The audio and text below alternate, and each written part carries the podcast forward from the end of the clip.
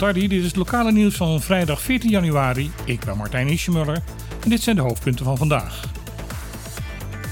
Ook gisteren zijn er weer een groot aantal besmettingen gemeld van COVID-19. 125. Er is ook weer een groot aantal mensen beter gemeld. 112. Mensen op Facebook hebben ontdekt dat het aantal betermeldingen per dag vrijwel gelijk ligt met het aantal besmettingen van precies 7 dagen ervoor. Dat betekent dat het overgrote gedeelte van de mensen die besmet zijn geraakt na 7 dagen geen klachten meer hebben. Uit de cijfers van gisteren blijkt ook dat het aantal mensen dat opgenomen is met COVID-19 in het ziekenhuis gisteren gestegen was tot 6. Dat zijn er twee meer dan de dag daarvoor. Het lijkt erop dat met de Omicron-variant de paar mensen die na 7 dagen nog wel klachten hebben, vaak langdurig ernstige klachten houden. Het blijkt dat de grote hoeveelheid mensen die in isolatie zitten op dit moment een groter maatschappelijk probleem is dan de mensen die echt heel ziek zijn. Ook informatie die komt van de dienst publieke gezondheid wijzen in die richting. Het is op dit moment heel erg druk bij het callcentrum 0800 0800. Tot voor kort gold een dag met 400 telefoontjes als een drukke dag. Momenteel zijn dat er 1000 per dag. Ook het callcentrum kampt met personeelstekort door mensen die thuis zitten in isolatie of quarantaine. Daarom zijn de regels vanuit publieke gezondheid enigszins veranderd. Mensen worden niet meer nagebeld om te vragen hoe het met ze gaat. Zonder tegenbericht zal publieke gezondheid mensen na 7 dagen automatisch genezen verklaren. Vanmiddag om 3 uur is er een persconferentie waar waarschijnlijk nieuwe en andere maatregelen zullen worden aangekondigd om de huidige uitbraak verder in te perken.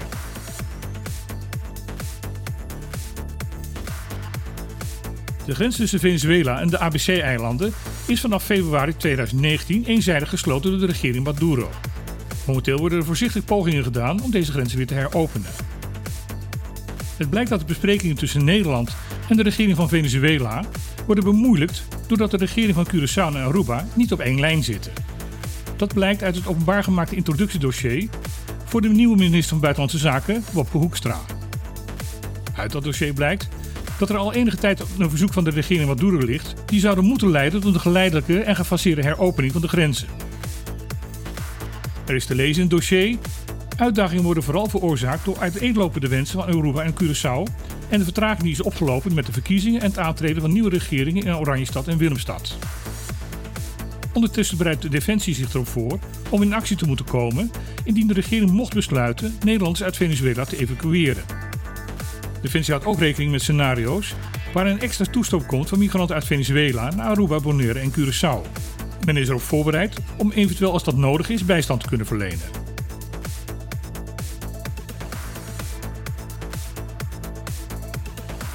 Volgens gegevens van het Rattenaar Instituut blijkt er steeds meer wetenschappelijk onderzoek gedaan te worden op Curaçao, Aruba, Sint Maarten, Bonaire, Saba en Sint Eustatius. Werd er tien jaar geleden niet meer dan een handvol studies gepubliceerd over de eilanden. In 2021 waren dat er minstens 111. Veel van de onderzoekers werken samen met universiteiten in Nederland en de Verenigde Staten. Daarbij zijn de universiteiten van Amsterdam, Maastricht, Groningen en Utrecht populair. Het Rattenaar Instituut concludeert dat niet alleen het aantal onderzoeken op de eilanden toeneemt, maar ook de interesse in de eilanden zelf. Er wordt op dit moment vooral onderzoek gedaan naar onderwerpen als gezondheid, natuurbehoud en de Nederlands-Caribische identiteit. Coördinator Alexandra Vennekes van het Rattenaar Instituut vermoedt dat onderzoeken nog verder zullen toenemen als onderzoekers meer gebruik zullen gaan maken van de middelen van de Europese Unie.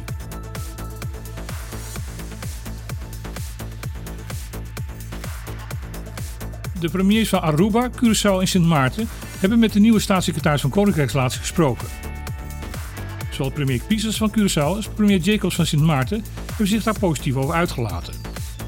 Pisas heeft met staatssecretaris Van Huffelen gesproken over de extra personele steun die Curaçao momenteel ontvangt voor het ziekenhuis en het herstellende toerisme op het eiland. De anders zo kritisch Jacobs sprak over een prettig gesprek en een hernieuwd gevoel van hoop. Jacobs heeft bij de staatssecretaris haar zorgen geuit over de situatie over de financiële posities van de landen binnen het Koninkrijk.